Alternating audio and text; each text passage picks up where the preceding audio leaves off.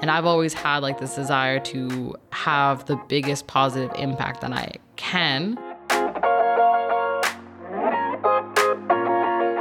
My name is Alma Dora, and you are listening to the podcast Women in Innovation. The podcast is sponsored by Origo and Framvís. This is the first time I am publishing an episode in English, and it is for a good reason. My guest is Renata Bade Barajas, CEO and co founder of GreenBytes. Renata is originally from Mexico, her parents being Mexican and German, and she has lived, learned, and worked around the globe. She told me about her journey, how GreenBytes is working towards solving food waste, and how the startup has secured over a million dollars in funding. This is the episode If Someone Else Has Done It, Well, I Can Do It, with Renata Bade Barajas.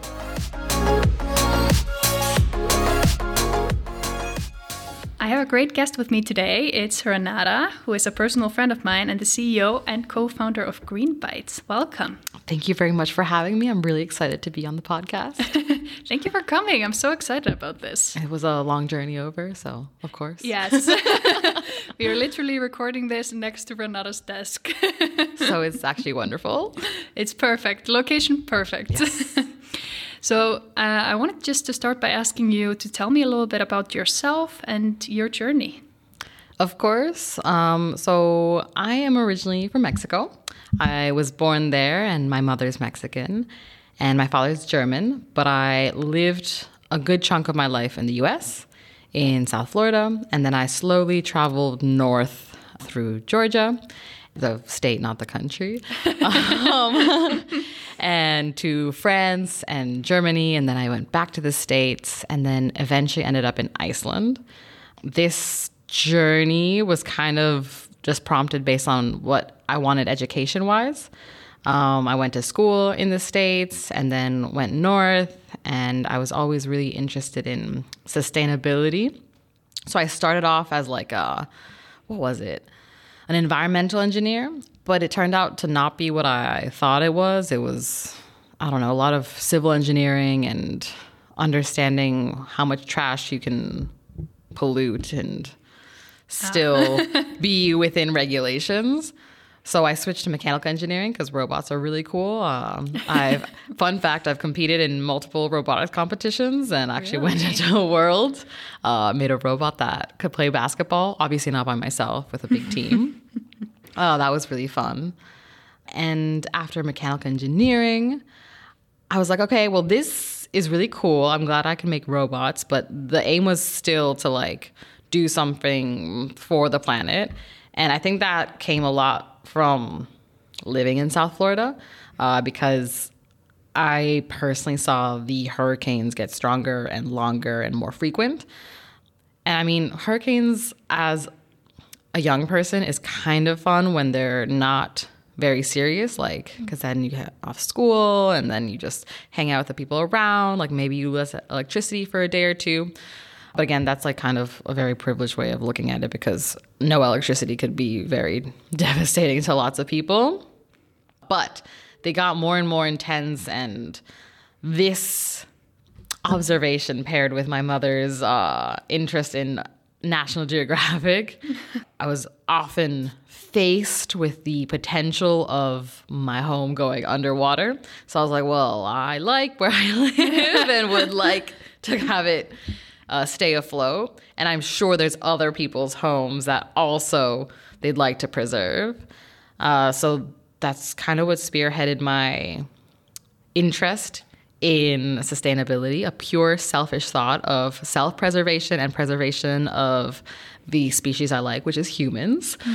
uh, I've always thought it was really interesting when people think of sustainability as this like selfless thing that we're doing out of the goodness of our hearts. But no, like I like to live here in a way that's comfortable and breathable and I imagine other people do as well.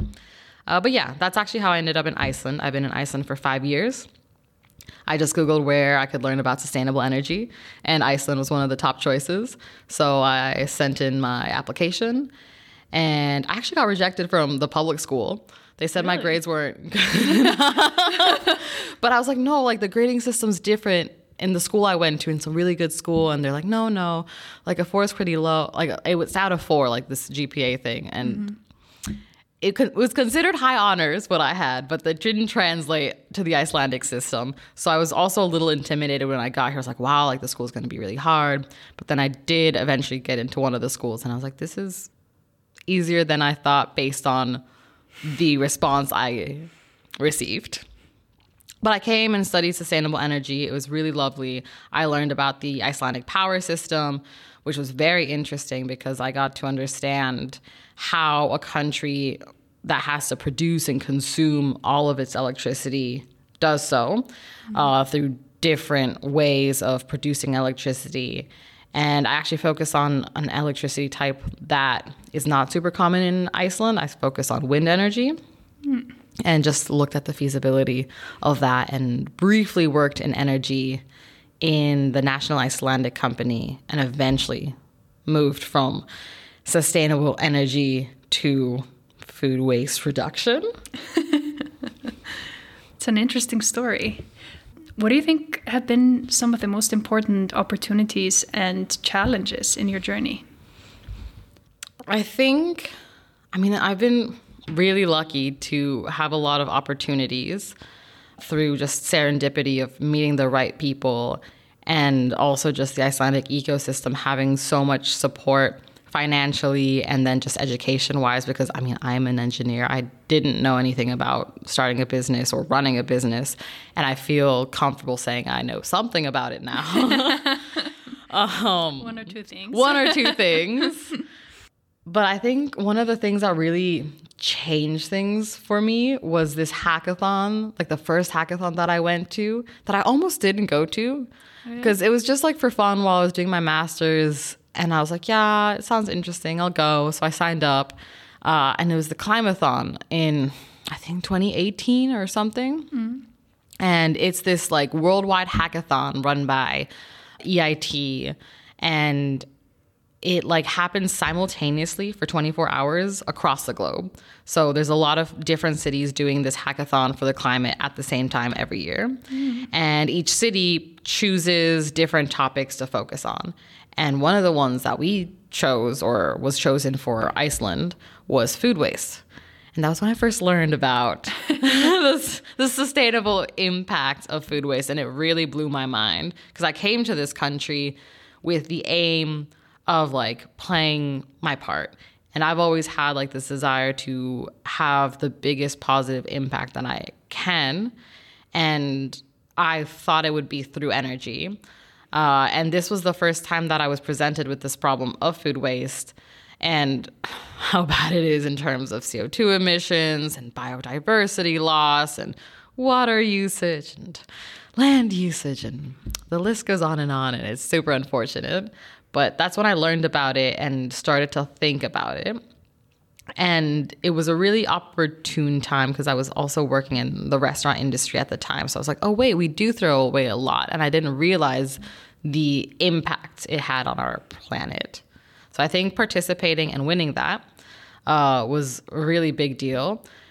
I won with a team that I met during the hackathon. Uh, it was a different project, but it was like geared towards reducing food waste or just bringing awareness for the impact of food to people because we didn't know too much about it. But I think that was really important because one of the prizes was 10 hours with Nýsköpunarmiðstöð Íslands. Uh, RIP. Um, and it was really great because they just told us about all these resources and like the world opened up. Like I didn't know about all these grants and these accelerators and just this world of resources and opportunity and help that was just provided to people who just have an idea and want to do something. So I think that was a really big thing. And then in general, I'm just really thankful for my upbringing of you know, like it's very American to be like, oh, you can do anything you set your mind to it.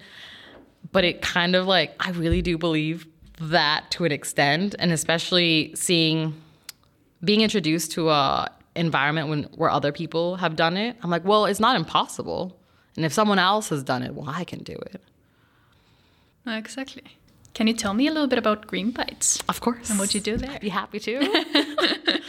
so I mean, I touched a little bit on like the food waste problem. And I really do want to like set the stage because it's really the magnitude is crazy. And like we all know flying is bad and we should reduce it when unnecessary. But food waste contributes three times more emissions than the global aviation industry. So just to put that into perspective, like we all know flying isn't great, but food waste is significantly worse because of the magnitude. And like food waste really happen it happens so much because it's everywhere. It's in the farms, it is in the transportation, it's in the storage, it's in the stores, the grocery stores, the restaurants, and our homes.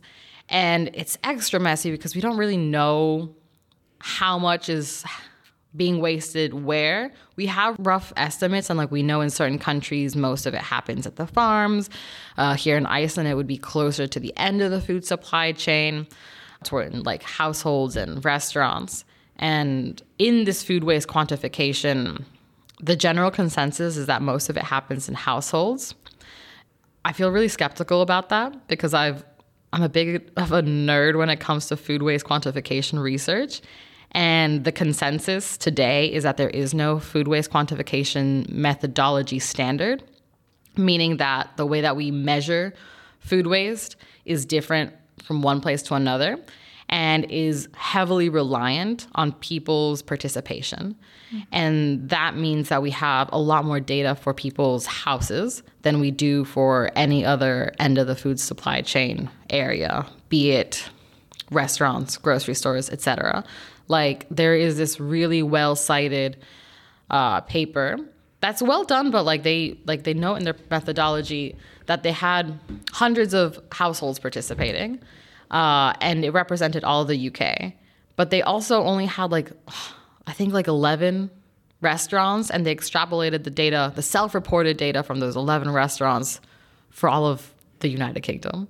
So you're like, well, I don't know about this. this feels like reminiscent to when the oil companies were telling us all to stop using plastic straws. But we will never know until we measure the food waste. Uh, but I digress. Uh, food waste happens everywhere, and a lot of it happens in like Europe at the end of the food supply chain. And one of those places is restaurants. And restaurants are interesting because you can't just be wasting food because it's not just bad for the planet, it's also really expensive. Food is one of the biggest parts of the operational costs, along with labor in restaurants. And restaurants operate on a very small, profit margin, usually between 3 and 6%. And I don't know if you've worked at a restaurant, but it's a lot of work to only be scraping by 3% profit. So anything that you can reduce your operational costs and improve your profit margins is a really big deal. So that's partially why we created GreenBytes. We basically tell restaurants how much food they should order and for this, we have a progressive web application that breaks down menus, tracks inventory, and most importantly, in my eyes, predicts future sales using artificial intelligence. Now, our AI models take in past sales, which is the most important, but it also takes in external factors like weather and holidays to make predictions about how much food will be sold in the future. And that's really nice. We'll have this prediction, but we go a step further and tell people how much of each raw ingredient they should order because we also have the menu breakdown. And once we have this suggestion of what they should order, we present it to them and they can, of course, make adjustments. But once they're happy with the order, they can send out the order to all of their food suppliers, distributors in a few clicks, which is really nice because normally it's a lot of phone calls and a lot of back and forth. Absolutely. And what about your job in particular? Oh what man, that you do? what a question! Uh, I think it changes day by day and month by month. As the CEO, officially, I do all the fundraising stuff. I am big in setting the vision, obviously, with the input of my team. I will also just like if needed, like I'm happy to do data entry or go and talk to customers. I do a lot of market research, like talking to the restaurateurs, talking to the distributors, talking to the external stakeholders. And bringing that together and creating value from the information that we've collected to create processes that will benefit everyone involved ideally. So, a little bit of everything. And some days it's reading through legal documents, and other days it's looking at the financial model. But on like a really fun day, I'm working with my team and we're putting together a project or like a sprint and executing it. What stage would you say you are at? Well, officially, I would say it's a pre seed because that is what our latest fundraising was officially called. Uh, but I would say it's like a late pre seed because we do have like a minimum viable product that is in the works, but we are also in the pilot phase. Like, I wouldn't like we're not open to the public. Anyone can go on and use the free features, but to upgrade to the premium, they do have to contact us and we'll kind of screen and be like, is this a good fit for this early stage? Because we have a lot of manual bits that are very close to not being manual because we're actually deploying upgrades very, very soon, which is really, really cool. So late, pre seed, early seed is the stage I would call. Yes. Perfect. And can you tell me a little bit about your fundraising journey? Sure. So, we've been speaking to investors in some capacity throughout the entirety of our startup journey. And that means like before we had anything, like ju- like when we were just in the idea phase. Uh, and that was like approximately three years ago, just kind of like dabbling because the Icelandic investors are very proactive and would like, I don't know, we'd participate in things and speak to investors and be invited to meetings. And I remember the first meeting we had, they were expecting a pitch, but we were just like, this is a meeting. And like, we were so early that like, we didn't even know what was happening. So we didn't have anything prepared. We're like, what do you mean? We don't have, like, we can talk about it. But they're like, but are you here for like investment? Like, no, we're not looking for investment. And I think it really threw them off. They're like, but then why did you? I'm like, because you asked us. Uh, it was a weird. uh, but I think it became obvious from both sides that we weren't at a stage that was investable. But it was really nice because it spearheaded this like ongoing relationship of being able to go in and talk to some people and get feedback on how to approach the investment process. Mm-hmm. Uh, just grab a lunch or a coffee with them. I don't know. Once, I think every two, like once every like quarter ish. But then we like, we're like, okay, okay. It got to a point where we had very, thankfully, we had gotten a lot of grants from the Icelandic ecosystem and we're like, okay, I think it's time to change funding strategies and maybe look into the investor route. So we signed up for this uh, this pitch night in Norway, and we went. And personally, I was very intimidated because the Norwegians are so prepared, and I think they're so well versed in the terminology and the syntax and just the process of the investment cycle. And I was not. so I went home, actually not home. I went to the Airbnb. It was very sad and and and it went really well and like I think all things considered, but I was just personally very intimidated. So I didn't really follow up with any of the people that we met because I was like, I don't know. I'm like, I don't know what we're asking for. Like, I don't know all these things that they're like these you know, they were like, I didn't know what like a runway was or a burn rate or like all these things. so we just kind of continued on the process and thankfully got some more grants and that kept us afloat and able to pay some of our early employees. But then we got really, it got to a point where like, no, we like really have to like fundraise or like it's do or die.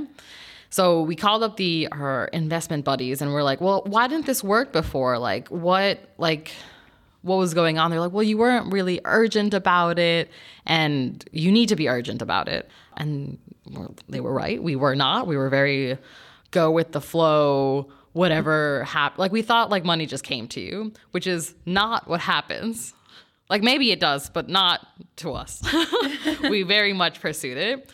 So they're like, well, we suggest being really strict with like when you open your round and you close it, and like it might be aggressive, but you know what? If it scares away people, they're not the right people and whatever. So we're like, okay. So we did that. We officially opened our round very formally in March of 2022. oh gosh. Um, and what changed is that my job almost most of my time was dedicated to fundraising. Like I would say 80% of it. Like we were obviously still doing product development and there was a lot to do, but a big chunk of my time was fundraising. So I created this big spreadsheet and reached out to everyone I knew and was like, "Can you give me an introduction?" And from there, based on who they were able to connect me to, I built like this database of like who is a good fit, who's like a medium fit, and who's like not great fit. And I contacted the not great fits first just to practice. oh, sorry for wasting your time. um, but it was really important for, for us uh, because some of the early feedback that we got was that we had a really good product, a really great team, great market, but we weren't very confident and I've never been told that I'm not confident, so it really threw me off. I'm like, you you want more confidence? Oh, okay. But it really was like this confidence shift. So we are like, okay, well, I guess we'll be more confident. And I don't know how to describe what that entails, but yeah, just really believing in the product and the vision and being clear about what you want because you can have whatever you want, but you have to set it and be clear about it and you can waver, like negotiate, but like have a clear path. So having a clear path was really good. And with this database, like it grew because some people would be like, well, this isn't a good fit, uh, but I know some other people, maybe contact them. So through that, we got lots of introductions, and yeah, that was great. So that was going okay.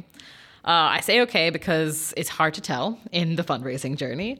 Uh, we were getting second meetings and all these things, but no one was like, yes, so we are signing a deal or whatever. Like, I, I don't know, I thought was done. So we kind of also switched gears. And I think something that was very important for GreenBytes is just showing people who we were and really making an effort to let them know that not only are we here, lots of people are interested in what we're doing. So the way we did that is besides like continuing to get more customers or more people who are interested in GreenBytes as potential customers was to participate in anything that we could. In every pitch competition or just a pitch in general or an accelerator or an event, everything, everything, everything. And I remember I sent out so many applications at the beginning of this, like around March, April, that when it came around May, we got into most of it and it was very overwhelming.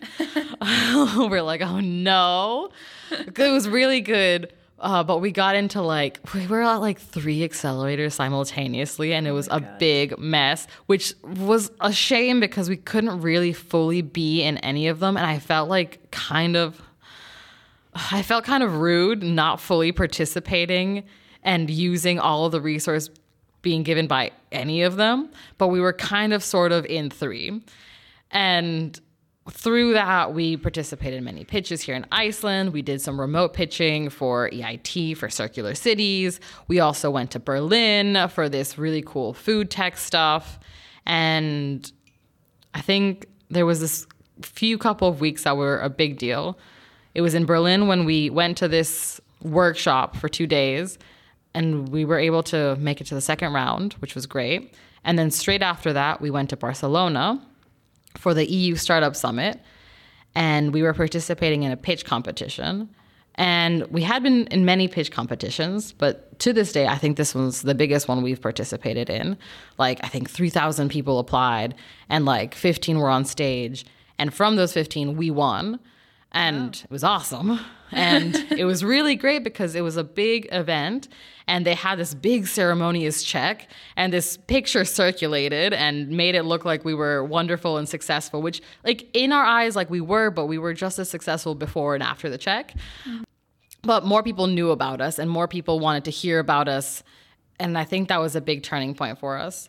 Uh, and then from there, we built a consortium eventually of the investors that we had been talking to throughout this entire journey that I'm very thankful for and really like. And then another part of the consortium was actually one of the jury members from this pitch competition. And then some angel investors who actually found us when Icelandic Innovation Week happened. Shout out to you at the Melkorka. Thank you very much. Uh, also through Grapevine because they've read about us on Grapevine, but they came to Iceland for the Innovation Week. And of course, we were participating in Innovation Week and we met them through there. And eventually, they also became part of our investment consortium. That's so cool. Yeah. And you just closed your pre seed round. Yes, we did. How did that go? well, I mean, I guess well now that it's closed. Um, I will say that like the due diligence process is more intense than I thought, and I know that we had it easy because we did it. I think in the course of two weeks, which is crazy. But there was just actually maybe two or three weeks, but it was still really short. There was just so many papers, and like I've never been so organized in my life. Uh, and I'm really impressed with lawyers and how they speak a language within a language. It's both impressing and terrifying. yeah. But I think it went well. I'm I'm so like grateful for like the investor. Like it got to a point where we had spoken to between 80 and 100 investors and we kind of realized that all investors sort of kind of have similar things. They have money and they have connections. So it was about finding which connections were relevant to you, but also which investors themselves you got along with and had a shared vision with. Mm-hmm. And we were fortunate enough to kind of like bring on people who had shared visions that we were able to meet on a couple occasions and that we knew we wanted on our team. So, yeah, I think it went really well. Perfect. Yeah. If we shift gears a little bit, what are your thoughts about equality and diversity Aye. in innovation? Well, obviously, it's not great. So, we know the stats are terrible for like venture capital and women. Uh, I think it changes between like 1% and 2%. And it's ridiculous. I like to think that it's growing because around me I see so many wonderful female entrepreneurs. But I think I live a little bit in a bubble, and also not all these women are getting the funding that they should. I like to think that it isn't this like malicious intent, but it does have to do partially with the decision makers. And I know that that is also in the process of changing. Like we all have these unintended inherent biases. And if the vast majority of venture capitalists are older white men and they see younger white men, like they'll they'll see them and they'll see themselves, a younger version, and they'll have empathy. And that's not a bad thing, but it just kind of creates this this divide between who they empathize more with subconsciously. Mm-hmm. And I like to think that it's not malicious or on purpose, but I think the way that we can change that is by one being aware that this unconscious bias exists and we don't have to be ashamed of it or deny it. It's just, you know, we can all do better and two, change the face of the decision makers. A lot of the investors that we have are women, like the angels are men, but like we're also working with a lot of female investors, which is amazing. And I know that a lot of impact investors are popping up and a lot of female investors are popping up. But if you compare the fund sizes that they have versus the traditional VCs, sometimes they're lower. And I think that that is an important thing that also has to change because if they have bigger funds, they can also fund more women. And I'm not saying fund women for women's sake. There's so much research showing that diverse teams, not just like with women. I speak about women because that's like my perspective, but I'm also speaking as a, uh, a foreigner in Iceland. I am Mexican, but I'm also white, so I don't have like this additional layer of minority. uh, that I imagine is more and more difficult every time, you know, uh, because this inherent bias like extends with each layer of the onion that you add to it. But yeah, it's why like there's so much research showing that diverse teams are more successful and that's because like if you have different minds and different like perspectives coming together to solve a problem, you're going to have a more robust solution. In my head that's so obvious. Not on purpose, but in our team there's no one no two people from the same nationality. And we really try to have different voices, but like I know we can do better with diversity, and I mean, honestly, so can everyone. uh, so yeah, I think it's not great. We know that, uh, but not only is it not great because we should represent more of the people that live on this planet, uh, but from an efficacy point of view, from a financial point of view, like our teams our financial investments will be better if they are more diverse. So those are my two cents. I love it. Is there anything that you want to add? Well,